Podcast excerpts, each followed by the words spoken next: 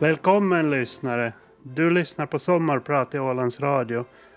Och jag som är sommarpratare idag heter Kenneth Bamberg och jag fyller 40 år idag. Skål och grattis till dig Kenneth! Jag är född och uppvuxen på Svibyvägen i Mariehamn. Min mor och far heter Ralf och Siv Bamberg. Mina bröder är Robert och Christian och katten hette Mirre och kräftan jag hade som husdjur hette Harry. Likt Harry är jag en kräfta, född i kräftans stjärntecken. Min mor Siv introducerade mig tidigt i kräftätandes konst. I början av kräftätarkarriären avskydde jag likt många nybörjare pillandet som hör till kräftätandet. Huvudet som av konnässören anses vara det bästa fick mig i unga år att kräkas. Jag åt bara kräftstjärten som mamma Siv skalade och lade på ett smörbelagt rostbröd. När jag var nio år hade jag utvecklat en stor aptit för kräftor och kort därpå fick jag av min far äran att fritt välja en kräfta ur nattens fångst att ha som mitt husdjur. Jag tog den största kräftan och döpte honom till Harry. Med brunt bepansrat skal, svarta ögon och stora klor påminde Harry mig om ett dinosaurieliknande monster. Harry hade det bra i akvariet. Han var min favorit och tusen gånger intressantare än akvariets tidigare invånare, neontetrorna. De fiskarna var så tråkiga att jag undrade om det var med flit jag en dag glömt att slå på syrepumpen i akvariet. Harry åt potatisskal, matrester och fiskrester och kanske någon neontetra. Harry levde rätt länge i akvariet tills han en dag hamnade i den kokande kastrullen och själv blev uppäten. I tioårsåldern fick jag av mina bröder en rosa kassettbandspelare med en ACDC-kassett i. Kassettbandspelaren var riktigt söt och den spelade i stereo, inte i mono. Stereofunktion var riktigt häftigt att ha på den tiden. Jag använde kassettbandspelaren till att banda in musik från Amiga 500 spel.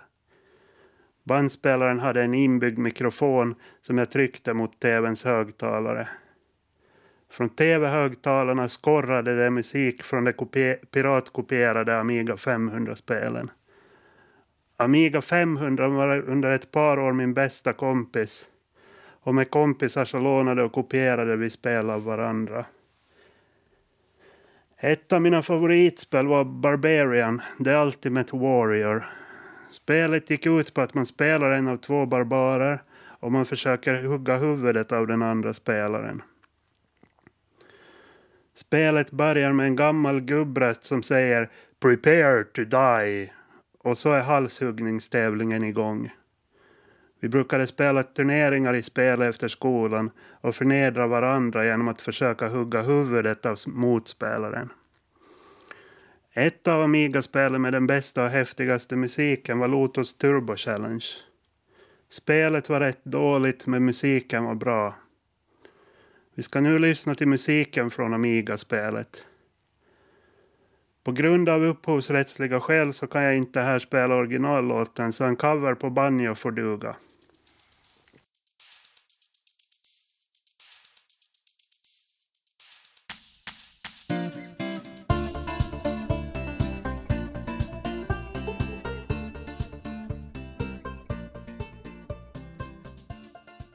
Jag undrar varifrån namnet på området i Sviby kommer. Apalängen.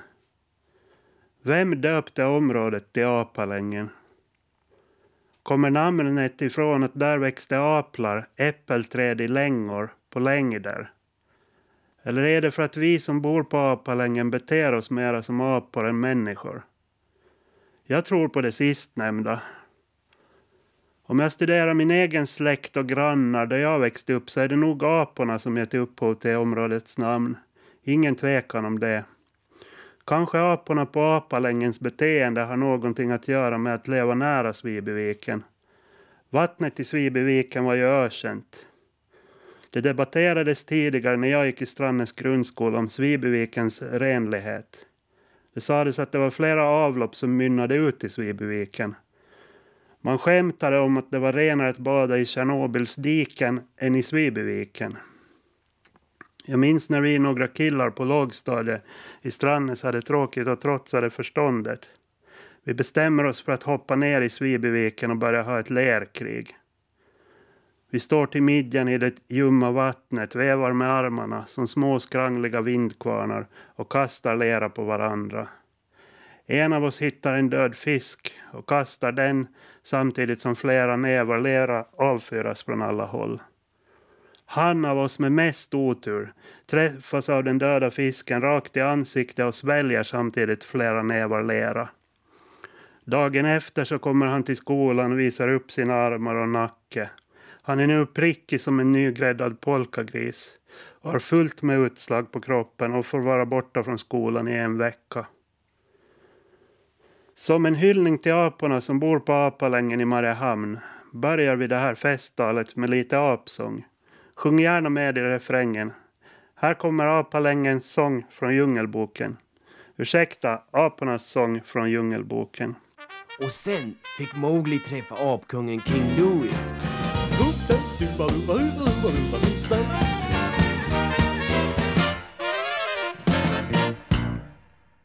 Du lyssnar på Sommarprat i Ålands Radio och jag som är sommarpratare idag heter Kenneth Bamberg och jag fyller 40 år idag. Skål för dig Kenneth! I lågstadiet fick jag i julklapp av mina föräldrar en svart Schneider-stereo från Antilla. Det var en sån där stereo med skivspelare uppe på. Stereon var fruktansvärt ful och jag var lika bortskämd som den där stereon var ful. Jag var så besviken på stereon att jag skrev pirka med stora bokstäver med en sprittusch på stereon. Märket Pirka ansågs i Strannäs på 90-talet vara det värsta man kunde befatta sig med. En vanlig svordom var att säga om något var riktigt skit så var det pirka.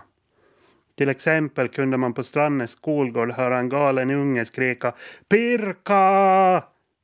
Det var en åländsk variant på Perkele.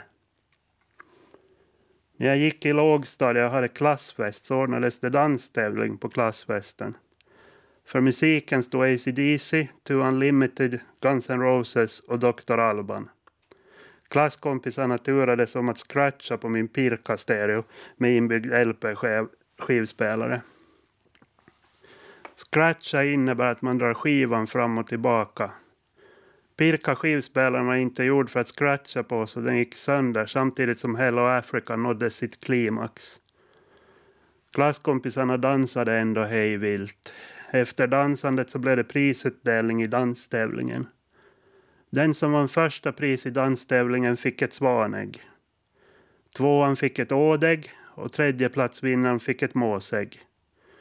Prisen i danstävlingen chockade någon klasskompis. Svanäggen tog jag och några klasskompisar från Svanarna i Svibyviken. Svanarna hade ju ändå så många ägg resonerade vi. Att samla ägg var något flera på klassen i Strannäs skola gjorde. Vi var ett gäng på klassen som samlade mycket. Varför väljer man att samla ägg från vilda fåglar? Äggsamlandet kan för många säkert verka vara ett udda och perverst intresse. Aktiviteten gick ut på att plocka ägg från fåglars bon ute i naturen. Ägget tömdes sedan på innehåll och man placerade tomma äggskal i den egna samlingen. Ofta i en skolåda på bomull. För mig började äggsamlandet när jag fick se en äldre samlares äggsamling. Samlingen var väldigt vacker tyckte jag. Den bestod av gröna, blåa, gula, fläckiga ägg i olika storlekar och massa olika mönster. Vissa ägg liknade nästan smaragder där det låg på bomull i en skolåda. Jag började samla ägg på tredje klass och samlade till ungefär femte klass. Samtidigt som jag samlade på fågelägg så samlade jag på hockeykort. Jag ordnade hockeykorten i färgordning och så även fågeläggen. Jag gillade det, det blåa St. Louis Blues hockeykorten och kunde titta på den samtidigt som jag tittade på en blå samling fågelägg. Jag hade massor med fågelägg. Det hände att vi bytte fågelägg med varandra. Vi bytte även fågelägg mot hockeyspelare. Ett rätt intressant utbyte nu när man tänker efter. Hockeyspelare mot fågelägg. Vi pickade hål på äggen med en nål i vardera ände och sedan blåste vi ut innehållet. Ibland efter någon av våra reder hade vi fått ihop så många ägg att vi inte orkade blåsa ur allihop. Det hände att en av grannarna som inte hade bättre att göra ofta gick omkring och trynade i gården och undrade vad folk gjorde. Han kom också undra vad vi pojkar höll på med. Grannen fick sen hjälpa till med att blåsa ur äggen. Man måste blåsa försiktigt så att inte ägget sprack och innehållet rann ut på ens egna kläder. För att få hål på svanäggen så använde vi spik för att hacka hål i dem. Innehållet från svanäggen stekte vi en gång omelett på när våra föräldrar inte var hemma. Svanäggsomeletten var väldigt mättande, fyllig och smakrik. Svanäggsomelett med Ålands specialost kunde säkert bli idag en värdig utmanare till den uttjatade åländska pannkakan med sviskonkräm. I början var äggsamlandet nästan något sportsligt vi sysslade med. Vi hade i början flera regler vi förhållde oss till. Till exempel, vi tog bara ägg från vissa fåglar, inte det fridlysta. Man fick bara ta ett ägg om det fanns många fågelägg i boet. Hade fågeln bara ett par ägg så lät vi det alltid vara orörda. Vi gav fan i alla fågelholkar.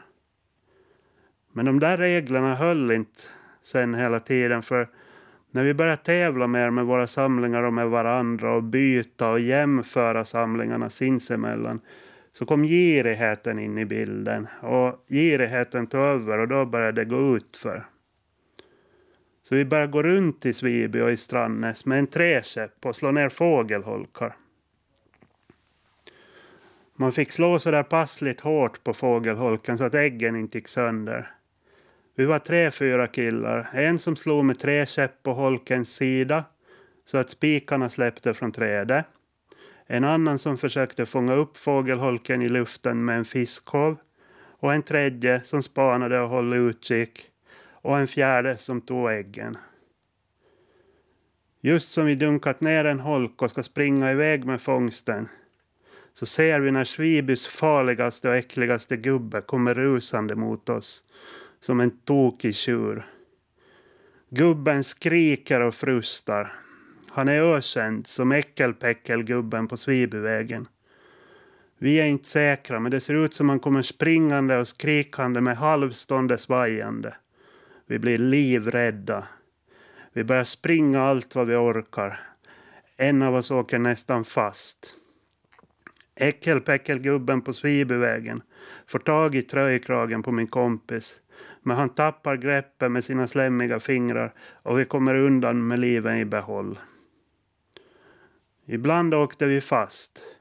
Vi hade utvecklat en förmåga att börja gråta på beställning. På grund av att vi var så små, blonda och söta, söta inom citationstecken, så kom vi undan med det mesta. Gubbarna släppte oss alltid och ringde aldrig våra föräldrar. För vi lovade alltid på heder och samvete att inte göra om fanstygen igen. Nu ska vi lyssna på Small Town Boy av Brownski Beat.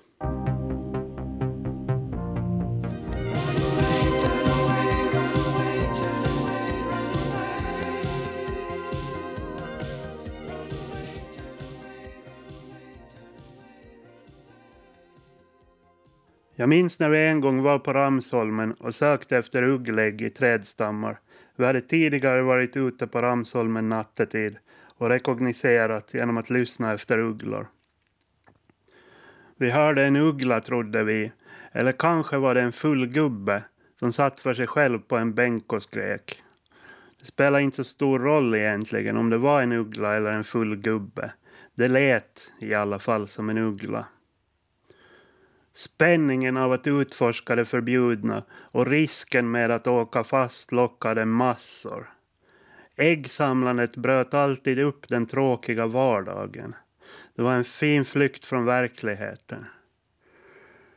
Denna gång hittade vi inga ugglägg på Ramsholmen så vi tog istället en liten snurrebåt vid naturreservatet och åkte iväg för att söka efter flytande skäggdoppingbon.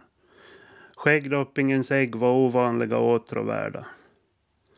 Precis när vi hittar ett fågelbo så kommer en gobbe i kalsonger utrusandes på klipporna och skriker Förbannade ungar! Ge fan i de där fågeläggen! Får jag tag på er så slår jag ihjäl er! Vi får nästan hjärtattack.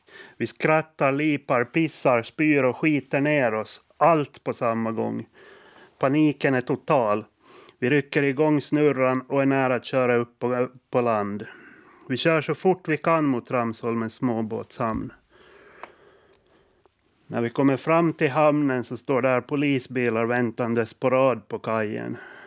Poliserna söker igenom båten och lådan med fiskedrag. De hittar inga ägg. Konfrontationen med polisen får mig att börja inse konsekvenserna av mitt äggsamlande som nu gått helt överstyr. Så jag bestämmer kort därefter att nu får det vara nog och slut på mitt äggsamlande. Jag vill inte hamna på någon anstalt för unga förbrytare på grund av en äggsamlings skull. För att hylla Svibyviken och fåglarna som häckar där så ska vi om en liten stund lyssna till ett stycke Tchaikovsky skrev. Uppkomsten av Tchaikovskys mästerverk Svansjön tvistas det om. Några säger att det influerades från ryska folksagor. Andra säger från tyska folksagor. Eller kanske var det så att Tchaikovsky besökte Åland en gång för länge sedan och skrev Svansjön när han satt vid Svibyviken och beundrade och mös för sig själv över korgen som han just fyllt med varma svanägg.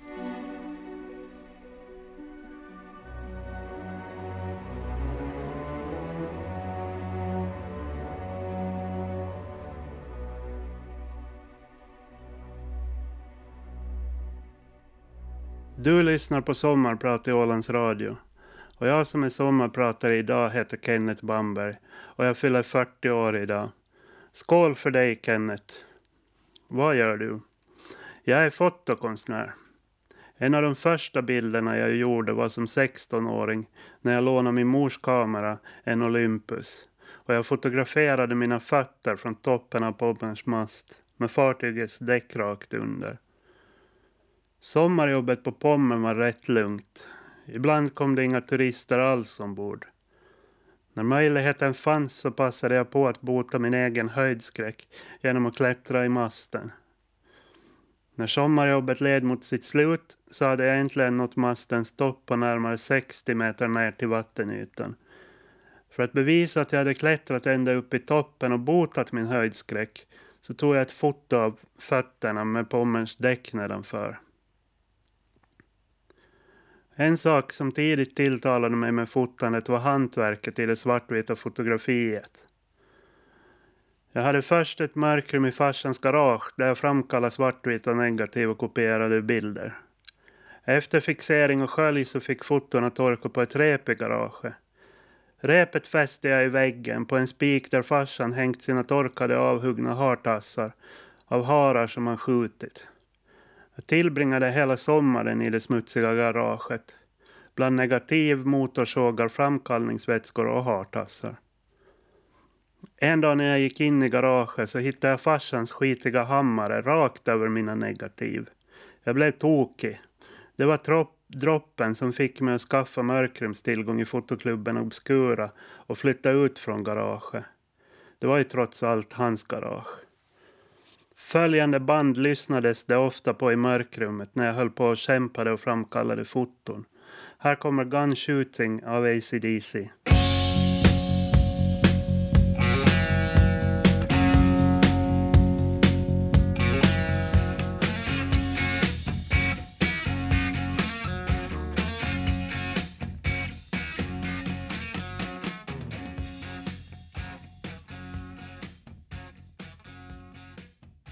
Jag lever på att sälja mina fotografier och genom stöd från olika stiftelser. Med stöd menar jag att jag beviljar stipendier från privata stiftelser, fonder och statliga institutioner. Jag har nu haft arbetsstipendium i tio år. Ett arbetsstipendium ger friheten och lyxen att helhjärtat kunna fokusera på mitt eget skapande utan att behöva stressa hur jag ska få ihop pengar till nästa projekt. Idag har jag ett treårigt arbetsstipendium från Konnensäätiö, alltså Konnestiftelsen i Finland. Innan det hade jag ett treårigt arbetsstipendium från Suomen kulttuurirahasto. Jag gör mina fotografier i en upplaga av fem exemplar och säljer dem via olika gallerier. Försäljningen från fotografier i kombination med stipendier gör att verksamheten går bra. Just nu har jag en sommarutställning i Pärnu i Estland där flera av mina fotoserier visas. Nästa utställning i Finland är i Galleri Hoto i Helsingfors inkommande mars och april. Jag började mina konststudier i Nykarleby i Finland år 2003. I Nykarleby bor det flera minkar än människor. Där finns rev och minkfarmer överallt. Nykarlebys restaurang och bar hette Revgrytan. Revgrytans klientel bestod av konstskoleelever med stora halsdukar och baskrar och pälsfarmare i blåa overaller. Konstskolan i Nykarleby var ökänd i området för dess konstiga och konstnärliga elever. Innan jag berättar några historier från konststudien så ska vi lyssna på Delta Head och deras låt Don't Move to Finland. Delta Head visste verkligen vad de gjorde när de skrev texten till den här låten. Sjung gärna med i refrängen.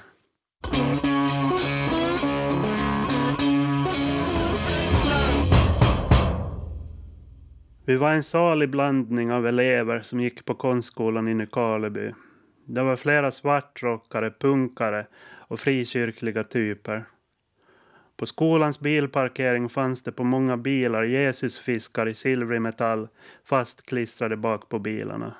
På de andra bilarna kunde det vara klistermärken som reklamförde något lokalt dödsmetallband.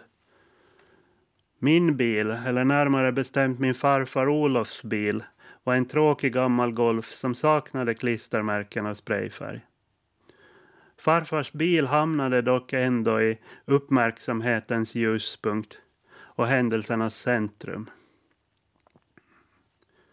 Vi hade på fotoklassen en uppgift där vi skulle göra ett självporträtt.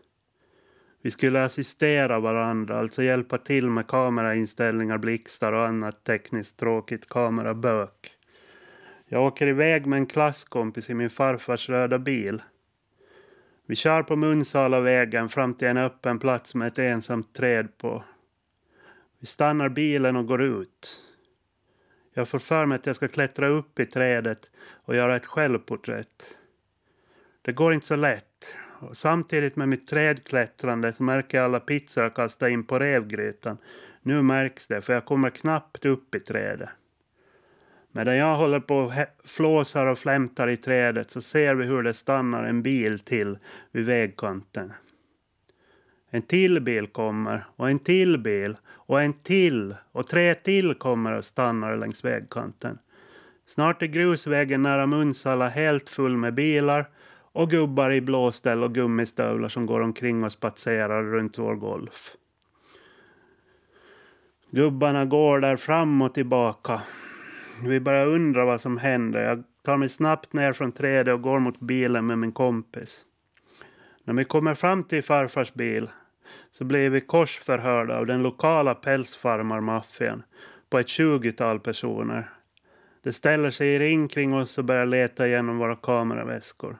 De snokar i bilen och de korsförhör oss. De verkar inte tro att vi bara är där för att fotografera. Det kommer snart fram att de misstänker oss för att vara djurrättsaktivister. Sådana som bryter sig in i farmerna och släpper ut tiotusentals minkar och revar och färgar pälsarna med spraymålfärg. Vi bedyrar vår oskuld för pälsfarmarna som nu står som hökar över oss och grymtar med den ena dialekten värre än den andra. Min kompis som är med är finskspråkig och han frågar mig vad, vad det är för språk de talar. Vad är det som händer? Jag säger att jag inte riktigt vet språket. Efter en stund där på grusvägen när gubbarna ställt samma frågor flera gånger och vi tror att vi äntligen ska få åka iväg så säger en två meter lång pältfarmare... Jag har hört att bilen är stulen. Min kompis tittar på mig som ett frågetecken och undrar vilket språk det talar. Jag svarar att jag inte riktigt vet men jag tror att den arga gubben pratar om någon stol i en bil. Jag säger att jag inte förstår vad han säger och frågar om han kan förklara vad han menar. Då säger han precis samma sak igen, fast mycket högre. Jag har hört att bilen är stulen. Nu förstår jag. Han påstår att min farfars bil är stulen. Den självutnämnde sheriffen i Munsala har alltså just kontrollerat ett bilregister, information om bilen och drar här sina egna slutsatser att bilen är stulen. Det tar länge att förklara för sheriffen att bilen troligtvis inte syns i det register han använder för det är en åländsk registrerad bil. Sheriffen släpper oss efter mycket om och men och vi får börja köra hemåt efter vad som känns som en evighet. Men när vi har kört ungefär tio minuter så ser vi i backspegeln hur Munsala-sheriffen kommer gasande så att gruset strittar åt alla håll. Det här är en chans han inte kan missa. Han är så nära nu. Sheriffen i Munsala är helt övertygad om att vi är djurrättsaktivisterna han hatar mer än allting annat. Munsala-sheriffen kör nu 10 centimeter bakom vår bil. Sheriffen blinkar och tutar febrilt. Längre fram på vägen så ser vi hur sheriffens kollega ställer sig bredbent mitt på vägen och visar stopptecken med handen. Gubben flyttar inte på sig i varje fall. Han står kaxigt kvar mitt där på vägen. Istället stänger vi av motorn och stiger ur bilen. Munsala-sheriffen, hans lakejer och några andra byfånar håller oss nöjt kvar till poliserna kommer. Vi väntar länge. När poliserna väl kommer så undrar de vad fan sheriffen och hans undersåtar håller på med. Polisen frågar oss två, tre frågor, tar max en minut och så får vi köra iväg. Händelsen är äntligen över tror vi nu. Men precis när vi har kommit tillbaka till Nykarleby och parkerat bilen så ringer en lokal Munsala-journalist och undrar och vill höra allt om händelsen. Jag är ännu arg så jag spottar och svär i telefon. Och jag säger att jag ska stämma pälsmaffian för frihetsberövande och för att de leker polisen i skogen utan befogenheter. Munsala-journalistens artikel om Munsala-sheriffen och hans lakejer tar fart. Och dagen efter hamnar min kompis och jag i kvällsnyheterna i Ilta Sanomat, Helsingin Sanomat överallt i finsk media. Det var inte planen, men det gick så.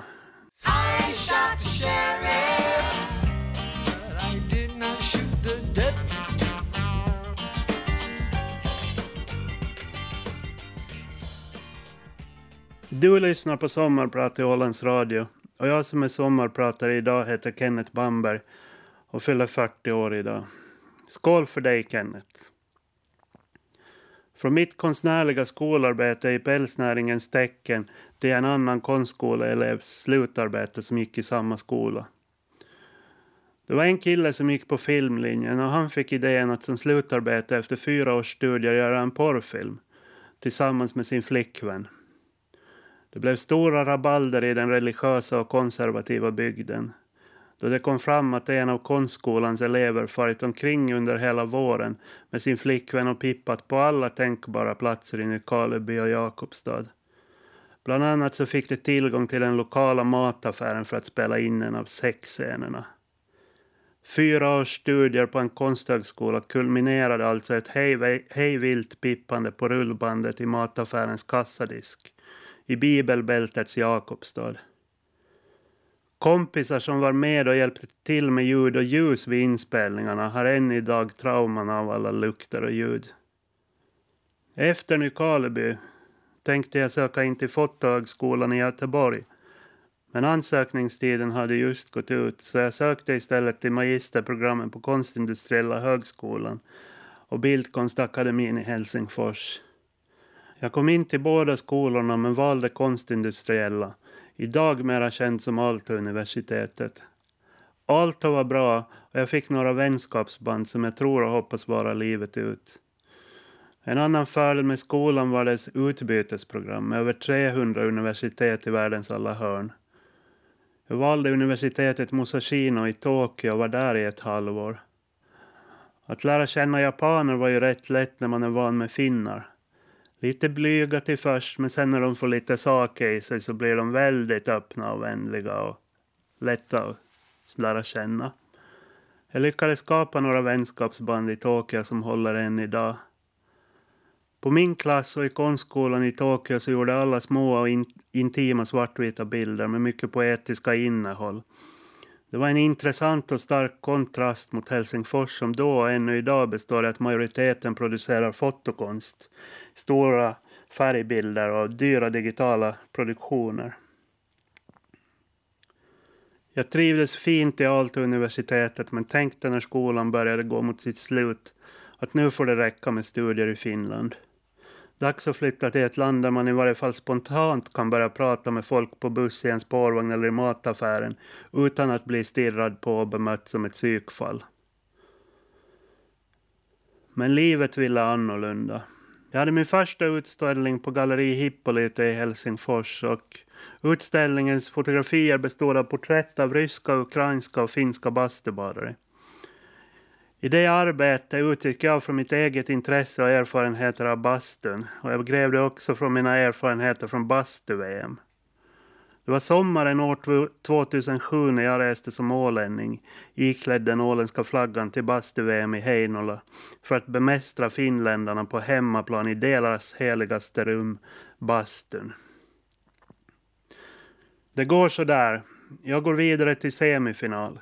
Det är 3000 i publiken och hälften av den hetsiga publiken skriker Timo, Timo, Timo, Timo, Timo. Och den andra hälften skriker Kimmo, Kimmo, Kimmo, Kimmo, Kimmo. I mina åländska öron smälter alla finska namn samman. Jag kastar mig ut ur bastun när hettan kring öronen känns oöverkomlig. Min tid i semifinalen blir 8 minuter och 8 sekunder. Den femfaldige världsmästaren i bastubad, Timo Kaukkonen, sitter i samma bastu i 12 minuter och 26 sekunder. Något år senare dör Timos finalmotståndare i den 110-gradiga hettan och tävlingen ordnas därför aldrig igen. Sommaren ett par år senare sitter jag i Kotiharju sauna i Berghäll och sex fulla gubbar hetsar fram en inofficiell bastutävling där i den här offentliga bastun. Jag står över. Jag sätter mig längst ner i bastun och tittar upp på de korta, tjocka, små lila gubbarna. En av dem har smugit in en Jalovina-flaska och de sitter där och tar också. En stund senare utanför bastun på träbänken så svimmar plötsligt en av gubbarna. Han faller rakt fram och slår huvudet i asfalten. Panik utbryter. Blod blandat med avföring rinner ner för asfalten. Ambulansen kommer som tur är på några minuter och gubben läggs upp på en bår. Jag tror att det slutar väl för gubben. Dagen efter skriver i varje fall ingen tidning, ingenting i media om något basturelaterat dödsfall. Fotoutställningen i Helsingfors består av porträtt från bastun i Berghäll där den inofficiella bastubadartävlingen anordnades. När jag kommer till fotogalleriet för att hänga upp verken så träffar jag galleristen Anu.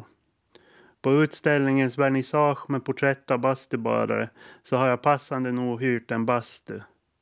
Inne i bastun lurar jag Anu och vi börjar pussas där inne. Resten är historia. Hon får mig belåtet att stanna kvar i Finland. Följande låt av Katri Helena tillägnar jag Anu.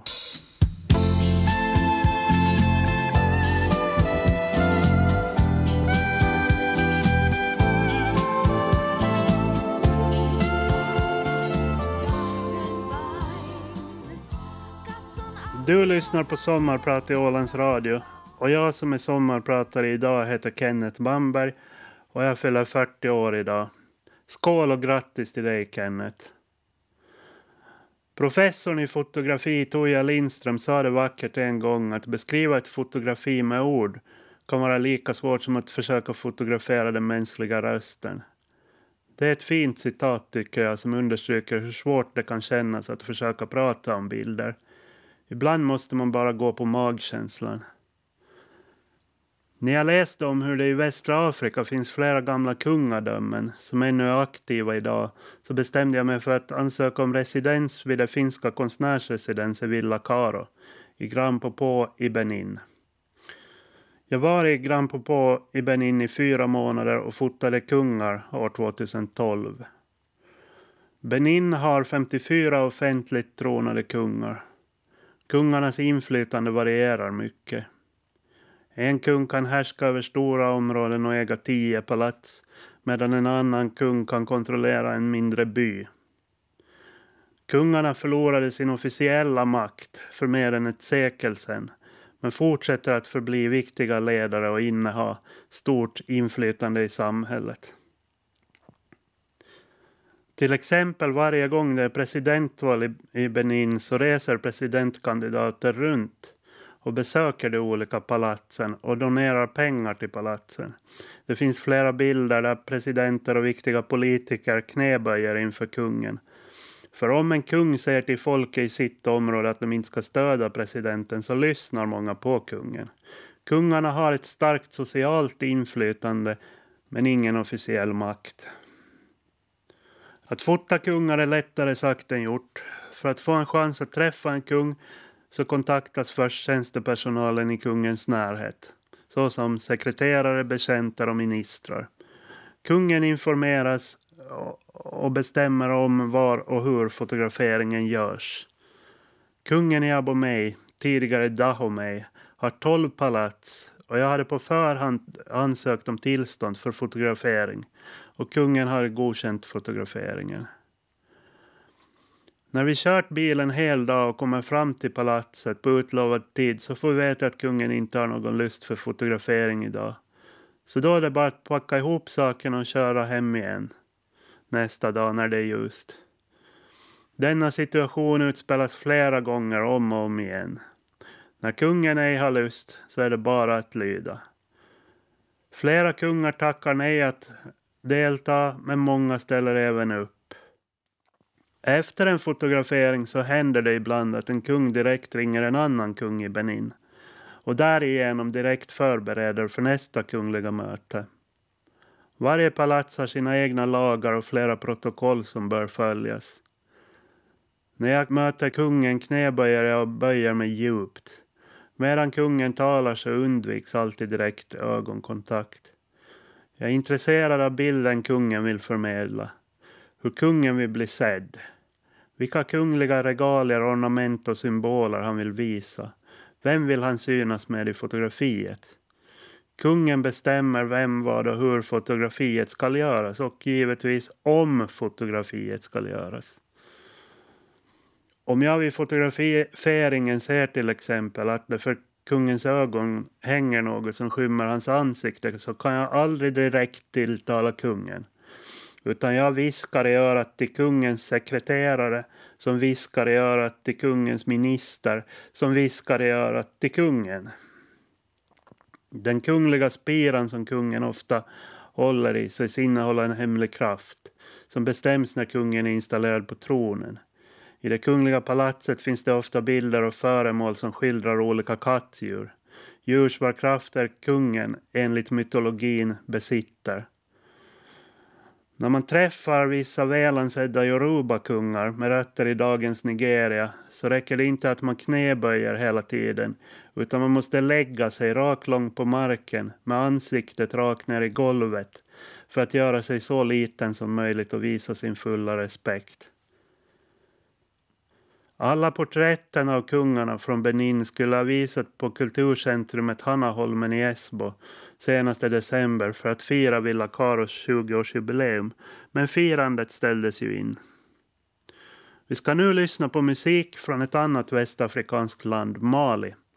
Låten heter Senegal Fast Food och är skriven av Amadou och Mariam. I Saint Louis i Senegal finns en residens som likt Villa Caro i Benin drivs av finska krafter. Wow heter den, stavas W-A-A-W. Wow betyder ja på wolof-språk. I Wow-residenset i Saint Louis, Senegal var jag tre månader under 2017.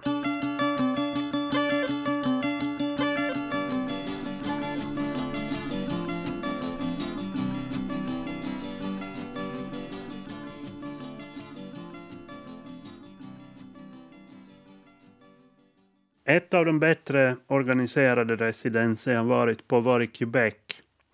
Jag spenderade fyra månader i Quebec i Kanada på en residens som organiserades av Finska Ateljéstiftelsen.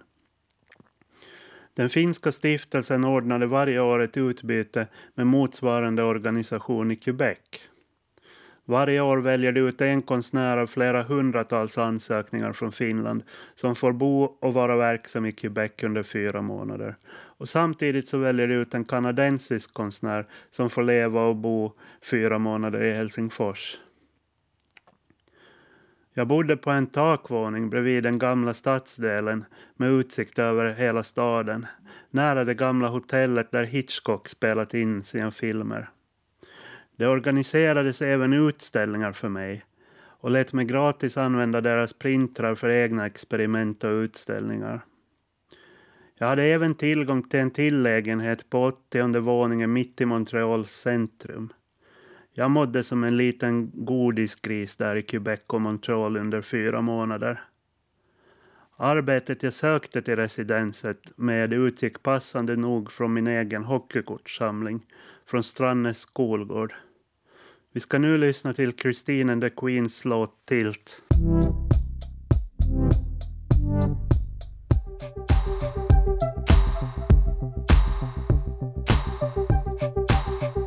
Du lyssnar på Sommarprat i Ålands Radio och jag som är sommarpratare idag heter Kenneth Bamberg och jag fyller 40 år idag. Skål och grattis till dig Kenneth och tusen tusen tack till er som lyssnat. Vi avslutar talet med att tillägna en låt till mina kära föräldrar och gratulerar dem idag för att de varit tillsammans i mera än tusen år. Jag minns hur mina föräldrar glatt brukade dansa till följande låt i vårt kök på Svibyvägen när de trodde att ingen såg eller lyssnade. När farsan fått lite snaps i sig kunde han sjunga Jokkmokks-Jokke och så kunde det smyga in sig Frank Sinatras My Way mellan raderna. Det var en spännande blandning må jag säga. Här kommer Gullegullan av Jokkmokks-Jokke.